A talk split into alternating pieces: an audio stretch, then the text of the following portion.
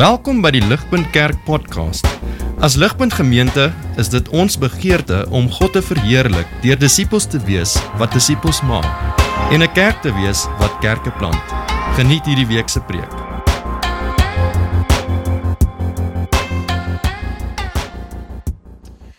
Uh, vriende, ons het nou al tevore in hierdie reeks. Ek weet ek het nou al ten minste twee keer genoem in hierdie reeks tevore het ons gesê dat die boek 2 Petrus wat ons nou kyk vanoggend uh staan bekend daar buite as die stiefkind van die Nuwe Testament.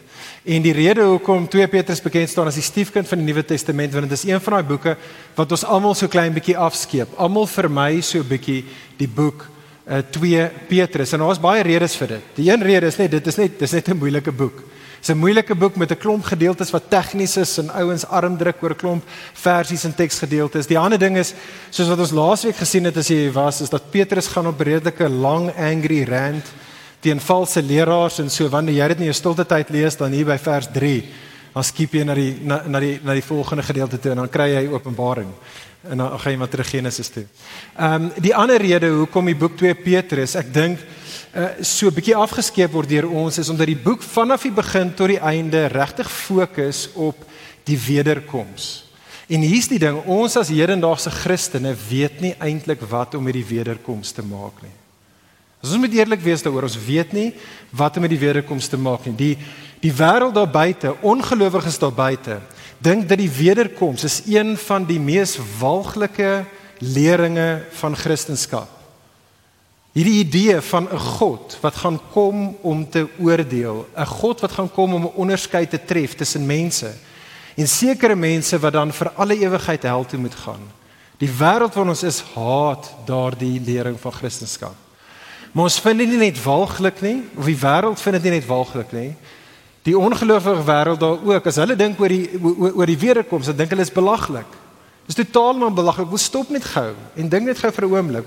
Christendom sê, die Bybel sê dat die man Jesus het 'n fisiese liggaam. Hy's eers nou wat ons noem die hemel, weet nie waar nie. Hy kom fisies terug op die wolke terug om sy koninkryk in te bring.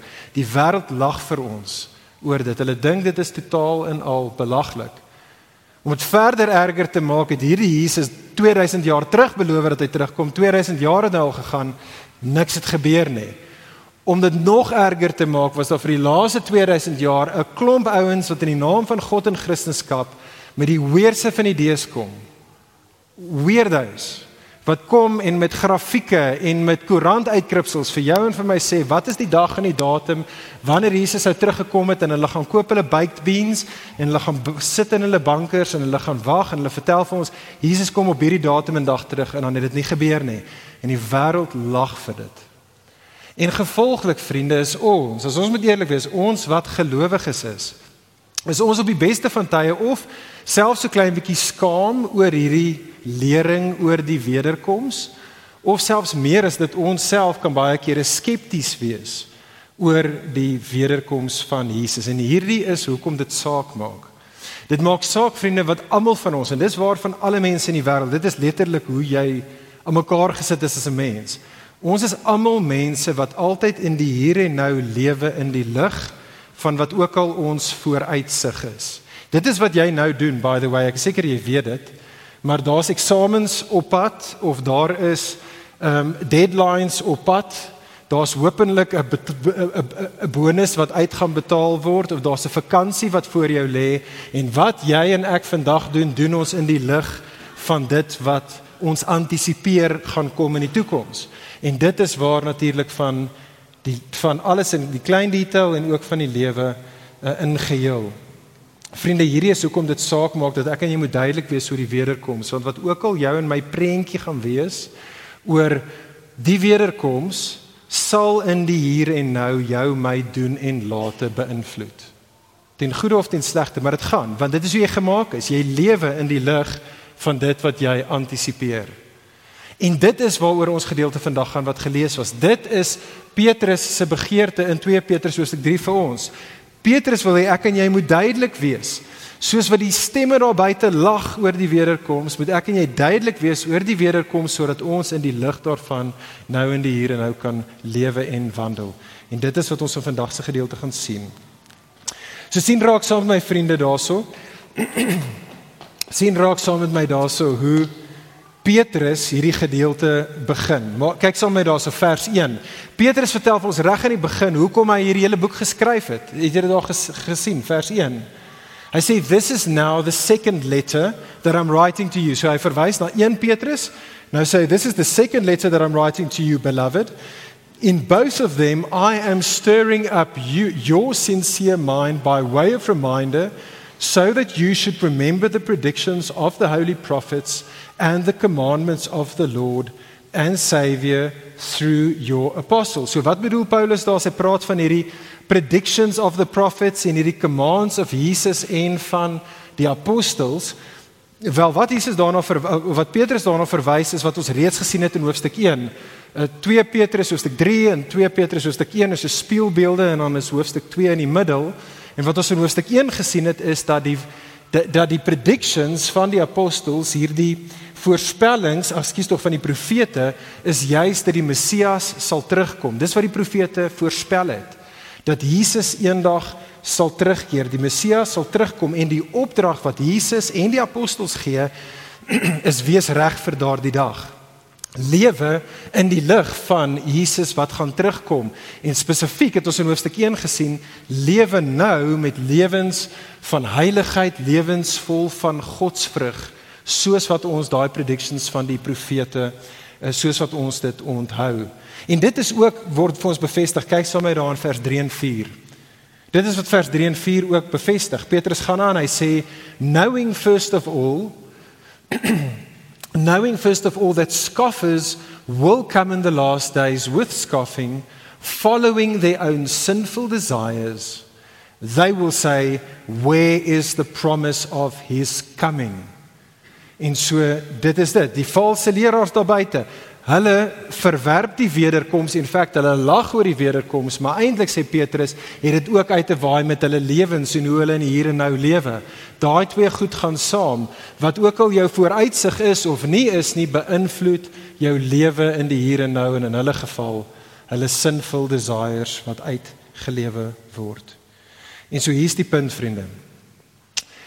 Die geskilpunt wat aangespreek word deur Petrus in 2 Petrus hoofstuk 3 is daai vraag wat eintlik 'n stelling is van die skaffers wat die valse leraars is daar in vers 4. Die issue op die tafel is dit: Where is the promise of the coming of Jesus? En wat Petrus dan in die res van die gedeelte doen is hy gaan daardie vraag gaan hy nou antwoord en hy gaan dit antwoord basies deur drie bewegings. Kyk, wil jy moet dit sien op die blaadjie, net laat ons die groot prentjie sien voordat ons in die detail gaan inspring. In vers 5 tot 7 gaan Petrus sê hierdie is die ding wat die valse leraars miskyk met betrekking tot die wederkoms. sien jy daai woorde in vers 5? They will deliberately overlook. Belangrike woordjie daar, die overlook woordjie. Dan in vers 8 tot 10 gaan Petrus verduidelik dit wat ek en jy as gelowiges nie moet miskyk met betrekking tot die wederkoms nie. Hy gebruik dieselfde woordjie daar, vers 8, but do not overlook this one fact. So hier is wat hierdie ouens overlook, moenie dit doen nie, soos wat jy oor die wederkoms dink. Gelowiges, hierdie is wat julle wat julle nie moet miskyk nie. En dan in vers 11 tot 13 gaan hy ons as gelowiges aanspoor om in die lig van die realiteit van die wederkoms van Jesus ons lewens in die hier en nou in te rig. OK. So dis waarna toe ons op pad is in die teksgedeelte. OK, so kyk saam met my daar. Eerstens dan vers 5 tot 7 dit wat die valse leraars misgekyk het. Die eerste ding wat ek en jy moet sien, soos ons eintlik weer terug by vers 4, is ek wil hê jy moenie 'n wêreldbeskouing mis nie, want onthou dat ons almal het 'n worldview. Ons almal het 'n wêreldbeskouing. Vers 4 Where is the promise of his coming? Want hierdie is hoekom hulle sê Jesus gaan nie terugkom nie. For all things are continuing as they were from the beginning of creation. Met ander woorde sê die valse leraars kyk om jou. Hierdie wêreld werk volgens Newton se wette. Okay Newton was toe nog nie daar nie. Maar hierdie wêreld werk volgens wette en elke dag gaan kom die son op en die son sak en die son kom op en hy sok af alles stiek net oor So waar is hierdie storie van die einde van die wêreld? Come on, dis ridiculous. Dit is hulle world view. Wat ek en jy nodig om te verstaan, is daai wêreldbeskouing van hulle was baie bekend in die eerste eeu gewees.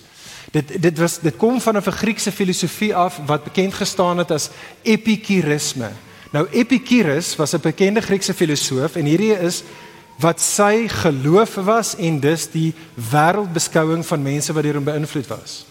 Epicurus het gesê daar's inderdaad 'n God wat hierdie wêreld gemaak het, maar daai God wat alles gemaak het, het hierdie wêreld gemaak soos wat 'n horlosiemaker 'n horlosie sou maak. So hy het hierdie wêreld gemaak, maar hy het die wêreld juis gemaak dat hierdie wêreld sal oortik op sy eie. Hierdie God het nou aanbeweeg. Ons weet nie wat hy doen nie, maar hy's nie letterlik fisies betrokke en het belang in hierdie wêreld. Hy het die wêreld gemaak, great son kom op, gaan af, maar hy het nou aanbeweeg en so Dit is wat Epicurus gesê het en ons ken hierdie woorde, dis bekende woorde, therefore eat, drink and be merry for tomorrow we die. So wel as hierdie lewe net als is wêreld gaan aan, God het nie belang met die hier en nou en wat hier aangaan nie, gaan aan en lewe soos jy wil, wat presies is wat die valse leraars wou gedoen het. Nou kyk hoe Petrus in hierdie gedeelte, ons is nou in vers 5 tot 7, kyk hoe hy hierdie verkeerde wêreldsbeskouing van die valse leraars aanspreek. Sy punt is, hulle is verkeerd want God is bonatuurlik betrokke in hierdie wêreld. Kyk saam met my, dit is 'n bietjie moeilik om die argumente te volg. So kom ons hou ons beerings. Vers 5. Vers 5 sê Petrus, God het hierdie aarde tot stand gebring, sê hy by wyse van sy woord en uit water. Genesis 1 en 2. Die punt van hoekom hy klem lê op God het by wyse van sy woord en water die wêreld tot stand gebring is om te vir ons te sê ja daar is natuurlike elemente soos water wat vanaf die begin daar was toe God die wêreld gemaak het maar hy het dit gedoen by wyse van sy woord en water. So daar's 'n bo-natuurlike ingryping van God gewees wat die wêreld geskep het. Net so vers 6 sê Petrus het God op dieselfde manier by wyse van sy woord en water die einste wêreld oorstroom en dit het vergaan. So hy verwys na Genesis hoofstuk 6 tot 9. OK, so weer eens het God by wyse van sy woord en water, so nie net op 'n natuurlike manier nie, maar op 'n bo-natuurlike manier, het hy die wêreld en hierdie is 'n regte egte gewoord, hy die wêreld ontskep. Dit is wat ons van lees in Genesis 6. En toe by wyse van daai woord en water die wêreld toe weer herskep. En so, derde punt van sy argument vers 7. So sal die einste God of so het die einste God reeds 'n woord gespreek by wyse van die profete Jesus en die apostels dat hy weer hierdie skepping sal oordeel ten einde goddeloosheid te vernietig maar hierdie keer deur vuur sê Petrus Okay, so hier is die punt en hierdie is hoekom hy spesifiek, hoekom dit nou ewe skielik van water af na vuur toe gaan. Rede, hoekom dit van water af na vuur toe gaan is want een God het in Genesis 9 gesê hy sal nie weer die wêreld met by wyse van water oordeel nie. En die rede hoekom hy dan vir vuur gaan, want vuur is 'n ander natuurlike element, nê, nee, net soos water as jy mooi daaroor dink, wat beide die vermoë het om uh, om deel te wees van van van ontskepping en van herskepping. So dis wat die water by die sonvloed gedoen het. Dit het die die wêreld wat geskep was geontskep en toe het 'n nuwe wêreld as dit ware uit die water uit toegetree. Die vuur doen dieselfde nê, nee, as jy langs die pad ry en die ouens is besig om die velde te brand, is hulle besig om te ontskep sodat daar kan herskep word sodat nuwe lewe kan voortspruit. En dit is Petrus se argument. Hy sê God was bonatuurlik betrokke. Genesis 1 en 2. God sien ons was baie duidelik bonatuurlik betrokke by weer by ons skepping, herskepping Genesis 6 tot 9 en so sal dit weer wees in die toekoms, maar hierdie keer by wyse van vuur. Vriende, ek dink Petrus se argument is briljant. Genius. Dit is 'n absolute genius argument. Want jy sien wat Petrus doen. Ek moet dit nie mis nie. Ek weet jy het dit gevoel. Petrus het dit prins gedoen. Wat Petrus doen is hy maak 'n argument oor hierdie kontroversiële vir die wêreld belaglike idee van die wederkoms deur wat te doen? Deur na die ander twee kontroversiële vir die wêreld belaglike voorbeelde toe te gaan, naamlik hoe is hierdie wêreld geskep en was daar regtig ou soos Noag in die ark en 'n sonvloed gewees? Dit is sy argument. Hoekom doen hy dit? Hy doen dit Want Petrus wil ons konfronteer met hierdie basiese beginsel van Christendom, van Bybelse Christendom. En dit is dat dit genootsaak die bonatuurlike ingryping van 'n God. B.B. Warfield was 'n baie bekende teoloog in die 19de eeu. Hy het die volgende gesê: B.B. Warfield het gesê Christianity is unembarrassed supernaturalism. Christendom is onbeskaamd bo streepie natuurlik. Dis onbeskaamd bo natuurlik. Hier is 'n trick question net so om die om die punt huis toe te bring. Kan ek jou vra, vriend vriendin, dink jy 'n mens kan 'n Christen wees sonder om in engele te glo? Dink jy dis moontlik? Dink jy dat jy kan hemel toe gaan? Kan jy so stel sonder om te glo in die realiteit van engele? En die rede hoekom ek dit vra is want Jonathan Gibson, 'n ander teoloog, maak 'n uitstekende punt juis deur hierdie vraag aan ons te vra. Jonathan Gibson maak die punt en hy verwys na 'n ander ou, okay? Hy verwys na Francis Schaeffer. Baie van julle sal gehoor het van Francis Schaeffer. Hy was in die vorige eeu 'n uh, apologist gewees. En hy vertel die storie dat wanneer ook al universiteite vir Franse syfer gevra het om na die universiteit toe te kom om spesifiek met ongelowiges en die skeptiese ouens daar buite oor Christendom te praat, het Franse syfer altyd die volgende ding gesê. Hy het gesê ek sal by hierdie universiteite vir die volgende week kom praat op een voorwaarde en dit is my eerste praatjie van begin tot einde gaan net oor engele wees. En dit is hoe Franse syfer uit gesê, as jy bereid is dat ek die eerste net oor engele praat, dan sal ek kom. Hoekom het hy dit gedoen? Hoekom het hy dit gesê? Want Francis Schaeffer het die punt gemaak het dat Christendom is bonatuurlik. Dit is unembarrassed bonatuurlik. Dat dit is nie moontlik om in die Jesus van die Bybel te glo as jy nie glo aan bonatuurlike dinge soos engele nie.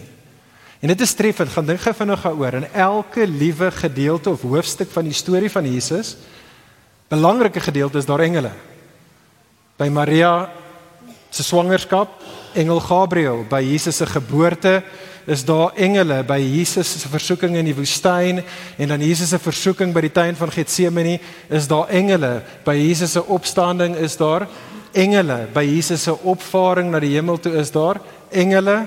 En wanneer Jesus terugkom is daar 'n weermag wat jy nie kan tel nie van engele wat terugkom. Die punt is van Francis Syfer die punt van BB Warfield en vriende die punt van Petrus in ons gedeelte is dat Bybelse Christendom is per definisie unashamed supernaturalism onbeskaamd bo natuurlik. En hierdie is wat die valse leraars doen. Hulle deliberately overlook dit. Jy sien hulle begin met hulle wêreldsbeeld en hulle begin uit die staanspoor uit met 'n wêreld wat net natuurlik is.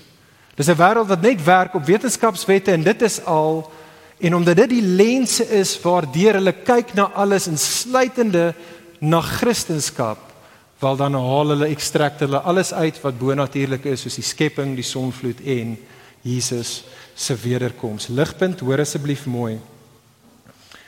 Ek en jy, ons lewe in 'n wêreld van sekulêre humanisme. Ons lewe 'n wêreld wat nog meer die koelheid van Epicurus ingedring het as wat dit was 2000 jaar gelede. Ek en jy lewe in 'n wêreld van materialisme wat ek daarmee bedoel is dat vanaf kleins af in elke liewe teksboek wat jou en my kinders en vir jou en my gevorm en geslyp en geïndoktrineer het, sê dit heeltyd vir jou en vir my hierdie wêreld wat ek en jy kan meet en op formules kan bepaal en kan plot hierdie wêreld is al wat daar is. Dit is wat die wêreld om ons sê. Dit is interessant. Dit is nie my notes nie, maar dit het my volgens getref. Dit is interessant dat alhoewel dit is wat die wêreld sê as dit nou wil filosofies uh, ernstig wil wees, eintlik glo die wêreld dit nie nee. En as jy net na Hollywood kyk, spring al hierdie supernatural goeters uit. Kyk net na Stranger Things, dis 'n klassiek voorbeeld. Want want, want die van die wêreld eintlik weet diep in hulle binneste, hierdie wêreld is nie net fisiese realiteit nie. Daar moet iets meer wees. En so Hollywood tap in en dit in en maak lekker geld op daai manier. Maar ten minste wat die ouens al buite, die skeptiese ouens vir jou en vir my sal sê is, hierdie wêreld al wat daar is, is die materiële, dit wat ek en jy kan tel, dit wat ek en jy kan meet in die vorm van formules en van wetenskap. En ligpunt ek en jy het nodig om dit te besef ek en jy het nodig om te besef dat daar is op ons as Christene 'n onsaglike druk die heeltyd om vanuit die wêreld se vooropgestelde wêreldsbeskouing te argumenteer en amper op die agtervoete moet wees en moet jammer sê oor al die bonatuurlike goeders van Christendom En en vir daai rede is ons 'n bietjie skaam, ons is so klein bietjie selfskepties, ons is 'n bietjie teruggetrokke uh, oor dit en, en en ons moet bewus wees daarvan. Ons moenie daai game speel nie. Ons moet op die voorvoet wees. Christendom is unembarrassed supernaturalism. Moet nie dit doen wat die valse leraars dan doen nie. En dan met 'n verbasterde weergawe van Christendom kom want jy wil iets palatable hê vir 'n ander wêreldbeskouing daar buite sodat hulle gaan gelukkig wees daarmee. En so dan kom ons en sê, "Ha, jy weet wat? Ja, actually, hier's nie regtig opgestaan nie. Wonderwerke wel, was eintlik party tricks gewees. Jesus gaan net in die gees dalk terugkom. Is net 'n dis maar net 'n manier van praat." Vriende, ons moet dit nie doen nie. Nee, die God wat by wyse van sy woord hierdie wêreld geskep het, die God wat hierdie wêreld op 'n stadium ontskep het en herskep het, Daai God beloof dat hy gaan dit weer doen. Hy gaan hierdie wêreld onskep en soos ons later in die gedeelte sien, gaan herskep. Dis die eerste gedeelte. Dit is wat die valse leraars miskyk. Nou hier is wat vers 8 tot 10. Hierdie is wat Petrus sê ons as gelowiges met betrekking tot die wederkoms nie moet miskyk nie. Vers 8 tot 10. Jy sien 'n verdere fout van die valse leraars vers 8 wat hulle verder ook overlook het en wat ons nie moet nie. Is weer eens dat hulle prentjie van God is eintlik te natuurlik. Dat hulle prentjie van God is te klein. Hulle het vergeet, kyk ons saam met my in vers 8 in die teks. Wat hulle vergeet is dat with the Lord one day is as a thousand years and a thousand years is as one day. Petrus verwys na 'n Psalm 90 wat geattribute is aan Moses, is treffend dat Psalm 90 gaan ook oor skepping, sonvloed, oordeel vir goddeloosheid. Presies soos hierdie gedeelte. En in daardie gedeelte vind ons die volgende woorde van Psalm 90 vers 4: For a thousand years in your sight are but as yesterday when it passed, uh, when it is past. En hier is die punt. Kom ek verduidelik dit aan die hand van 'n true story wat my gebeur het. Ek was in 1997, baie lank gelede nou, was ek in Amerika gewees. En ek was in Amerika en toe het ek van Houston af na Miami toe gegaan en van Miami af gevlieg Londen toe. En toe ek toe ek in Miami aankom vanaf Houston af, toe ek 'n 5 ure delay tussen my vlugte. En ek ek onthou nog, ek was so 'n bietjie geïrriteerd met hoe simpel die lugredery is, nie dat ek nou vir 5 ure in die lughawe hier moet sit en wag. En so ek stap rond en ek's op soek na iets om te eet en whatever en ek staan in 'n tou en ek hoor die ouens voor my op 'n stadium, die een vra vir die ander een wat is die tyd? En hy gee tyd en ek kyk my losie en dis soos 'n nee. Nee, soos daar's 3 ure verskil tussen wat hy gesê het en wat ek gesê het. Jy sien ek het die rookie error gemaak is dat ek het nie onthou dat vanaf Houston af na Miami is daar so 'n tydsone verskil nie. En ek het so 10 minute gehad om by die vliegtuig te kom en dit is so kilos weg en dit is in die movies. Net soos wat ek hardloop en net voor die net voor die deure van die vliegtuig toemaak, toe klim ek op. En die punt daarvan is vriende, my konsep van tyd was verkeerd. Die fout het by my gelê, by my arrogansie, by my dwaasheid. En so sê Petrus, is dit met die spotters, met die valse leraars in die wêreld buite wat lag oor maar waar is Jesus se wederkoms? Die fout wat hulle maak is dat hulle dink dat God volgens jou en my tydsones funksioneer. Maar God doen nie. Die een wat die oorlosie maak is betrokke, maar hy self is nie gebonde aan die tyd van die oorlosie binne nie. Hy staan buite dit in daardie sin van die woord. God se konsep van tyd, vriende, is anders as jou en myne. Ja, dit is so. Jesus het 2000 jaar gelede het hy beloof dat hy kom terug. En die punt is, so what? So what? Dit is net 'n probleem as jou God so klein soos jy is? Dalk is daar ander redes hoekom in ons perspektief van tyd die tyd vertraag is voordat hy terugkom en dit is wat Petrus in vers 9 dan aangaan om te verduidelik. Kyk in vers 9. Hy sê in vers 9 the Lord is not slow to fulfill his promise as some count slowness but he is patient toward you not wishing that any should perish but that all should reach repentance. En so Petrus verwys hier na 'n ander baie bekende Ou Testament teks. Ons het dit net nou gesing. Dit is daai pragtige, belangrike woorde van Eksodus 34 wat die laaste liedjie was wat ons gesing het. Waar God sy eie karakter aan ons openbaar en God sê The Lord, the Lord, I say wie hy is. I am the Lord, the Lord, a God merciful and a God gracious, slow to anger and abounding in steadfast love and faithfulness. Die punt is die punt is God is slou. Maar hy's nie slou soos wat die valse leraars dit het nie. Hy's slow to anger. Hy is geduldig want hy is genadig. Hy is 'n God wat juis terughou op die wederkoms van sy seun Jesus juis omdat sy diepste hartsbegeerte vriend vriendin vir jou en vir my is dat ons nie sal verlore gaan nie, maar dat ons se geloof en bekering na hom toe sal draai en die begunstigstes sal wees en sal word van sy troue goedentierendheid, sy troue liefde. Kan ek jou vra, vriend vriendin, soos jy hier so sit en dalk is jy een van daai ouens wat vandag hier so sit en totaal en al dink dat hierdie goeters is ridiculous, dalk is jy 'n bietjie skepties oor die idee van Jesus se wederkoms, kan ek vir jou vra, vriend vriendin, Het jy al gebruik gemaak van hierdie vensterperiode?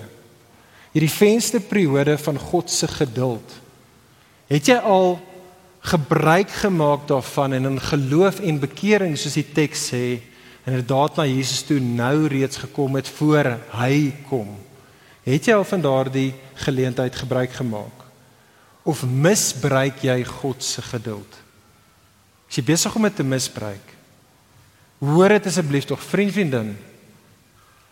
Die ware God is soveel meer geduldig. Die Engelse pragtige woord vir dit is long suffering. Is dat hy hy gaan deur hierdie pyn om te sien hoe ek en jy teen hom rebelleer en en en hy's long suffering. En ek wil hê jy moet dit weet, God is geduldig met jou. En as jy soos die verlore seun of die verlore dogter ver weg is van hom, hy wag vir jou Hy roep jou om terug huis toe te keer. Weet dit, hy is in sy wese is hy genadig. Hy's so geduldig, maar weet dit, hy's ook 'n God van geregtigheid. En wat dit beteken is dat die ware God om God van geregtigheid te wees is hy nie kan nie, nie hy mag nie, hy moet ongeregtighede, hy moet verkeerdhede regstel. Dis die een ding wat God moet doen. God moet op 'n stadium moet hy sonde straf want hy is 'n God van geregtigheid. En so ek en jy het nodig om dit te besef. Daar kom 'n dag wanneer hy gaan kom om onafgerekende ongeregtigheid, goddeloosheid te kom oordeel. En dit is vers 10. Kyk na vers 10. Petrus sê en ek wil hê ons moet dit sien, belangrike vers, but the day of the Lord will come like a thief. And then the heavens will pass away with a roar, and the heavenly bodies will be burnt up, and they will be dissolved, and the earth and the works that are done on it will be exposed. Twee dinge met betrekking tot Jesus se wederkoms wat Petrus daar sê wat ek en jy nie moet mis nie, wat ons nie moet miskyk nie. Die eerste ding is, sien julle in vers 10, die wederkoms van Jesus sal onverwags wees. Dit sal wees soos 'n dief wat in die nag kom. En ek weet jy het wel gesien dit nie, maar as 'n dief in die nag na jou huis toe kom, stuur hy nie vir jou 'n 'n Facebook of 'n of of 'n WhatsApp reminder of jy sê luister ek is van plan om so jy weet so 0.5 nee kom kom maak dit kwart oor 3 gaan ek al by 'n draai kom maak. Dis nie wat die dief doen nie. Hy kom onverwags. Dit is wat diewe doen. Dit is die prentjie hier. Dit is natuurlik die die prentjie wat Jesus aanvanklik gebruik het toe Jesus van sy wederkoms gepraat het.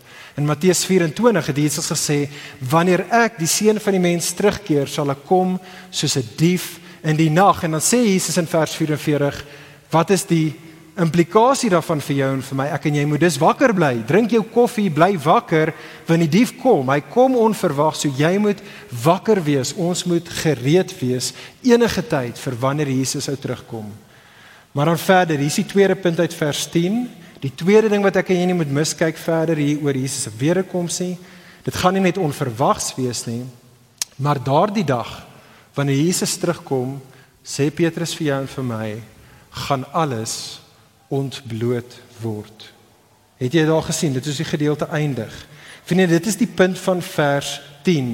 Die punt hier, hoor mooi asseblief, die punt van hemelliggame, die son en die maan, die sterre wat hierso verbrand is nie om 'n wetenskaplike punt te maak nie. Dis nie besig om 'n 'n sterrekundige punt te maak nie. Dit is profetiese taal wat kom met profetiese beeldspraak wat ons reg deur die Ou Testament oor en oor sien. Reg deur die Ou Testament is dit presies die taal wat gepraat het van die dag van die Here wanneer die Here terugkeer. Spesifiek die profeet Jesaja maak hierdie punt oor en oor en hy maak dit spesifiek in Jesaja 34 vers 4.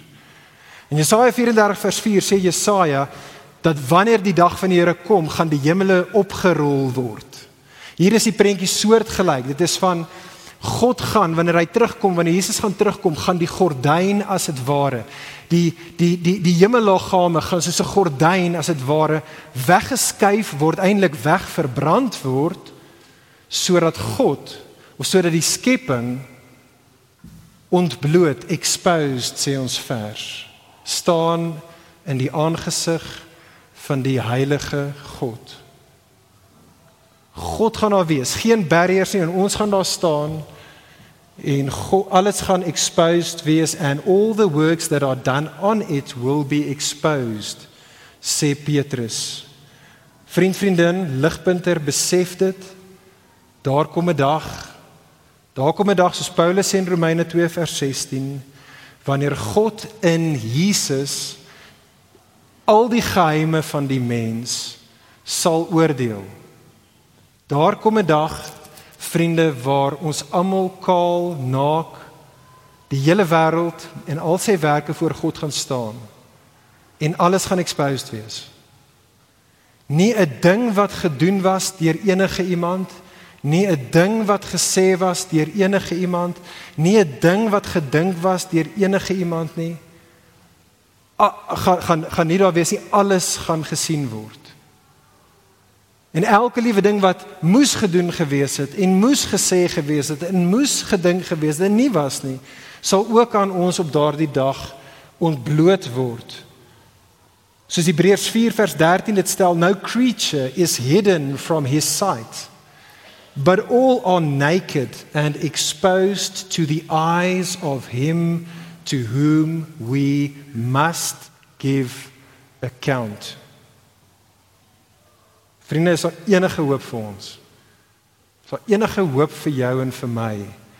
Die daai dag wanneer die gordyne van die hemele oopgemaak word en ons staan poedelnaak voor 'n heilige God. Is daar enige hoop vir jou en vir my? Die antwoord is ja, daar is. Dit is in dieselfde Jesus wat gaan terugkeer, maar ons hoop lê in die dit wat gebeur het die eerste keer toe hy gekom het. En so daar's hierdie prentjie, ek het dit 8 jaar gelede gebruik, so ek gaan dit weer gebruik. Ehm um, daar's hierdie prentjie van die die Amerikaanse pioniers wat ehm um, toe hulle, jy weet Amerika ingekom het, hoeveel honderde jare gelede, het daai pioniers oor die prairies ge, jy weet getrek, daai lang pragtige grasvelde in Amerika. En wat gebeur het is dat elke keer as hulle 'n groot veldbrand gesien het, was die manier om die veldbrand wat kom te kan afweer is en dit voel counterintuitive is dan dan begin hulle 'n brand. Hulle begin 'n gereguleerde veldbrand kom ons sê so groot soos 'n paar rugbyvelde en hulle brand die gras sodat as die gras daar gebrand het en dit het afgekoel, dan trek hulle al hulle diere en al hulle besittings en hulle families alles binne in daai stuk grond, daai gras wat reeds gebrand is, want hier is die punt vriende, vuur brand nooit op dieselfde plek twee keer nie. En dit is die gospel. Dit is die evangelie.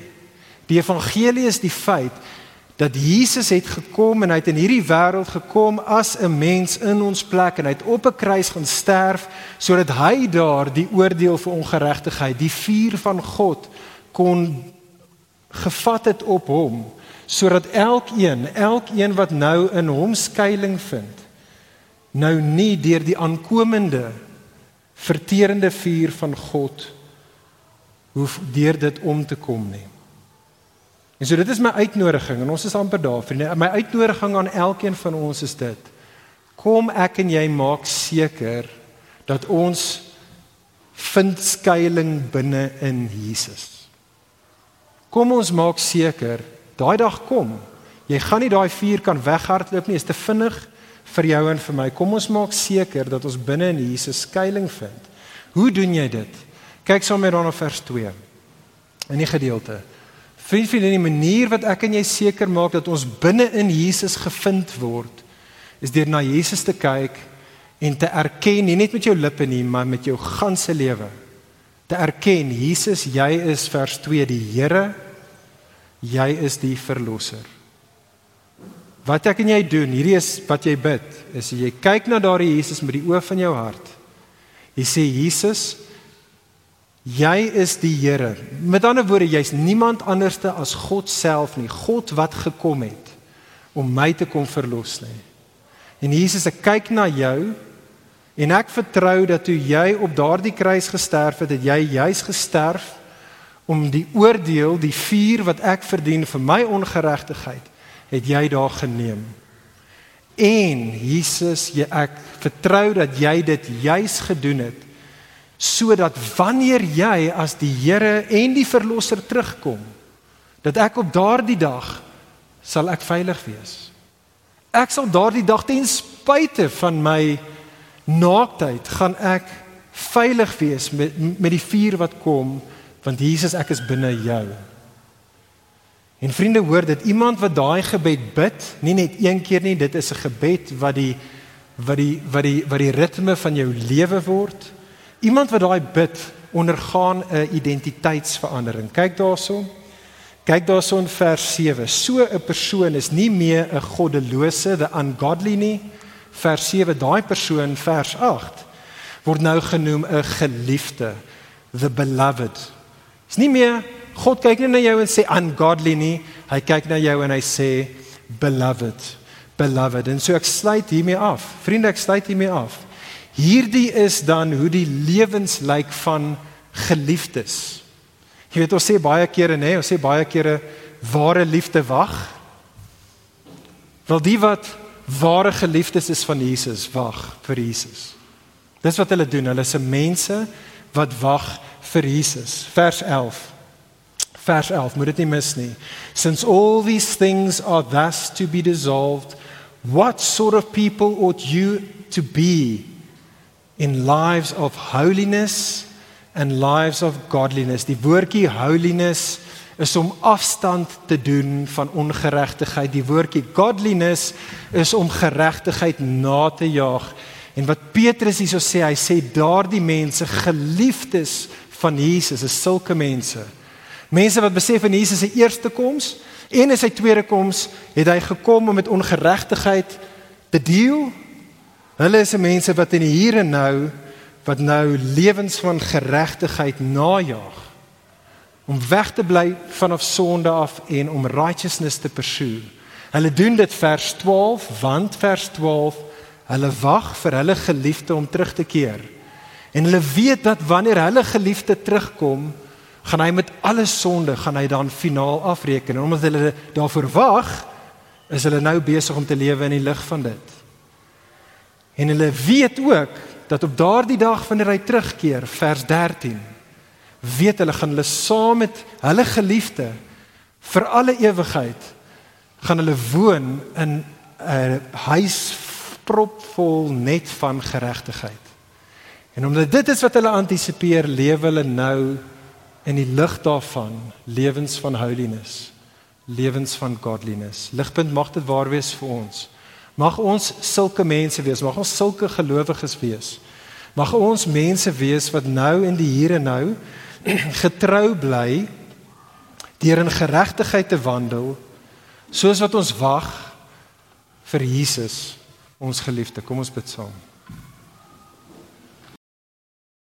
Vir meer inligting oor Ligpunt Kerk, besoek gerus ons webwerf op www.ligpunt.com of kontak ons gerus by info@ligpunt.com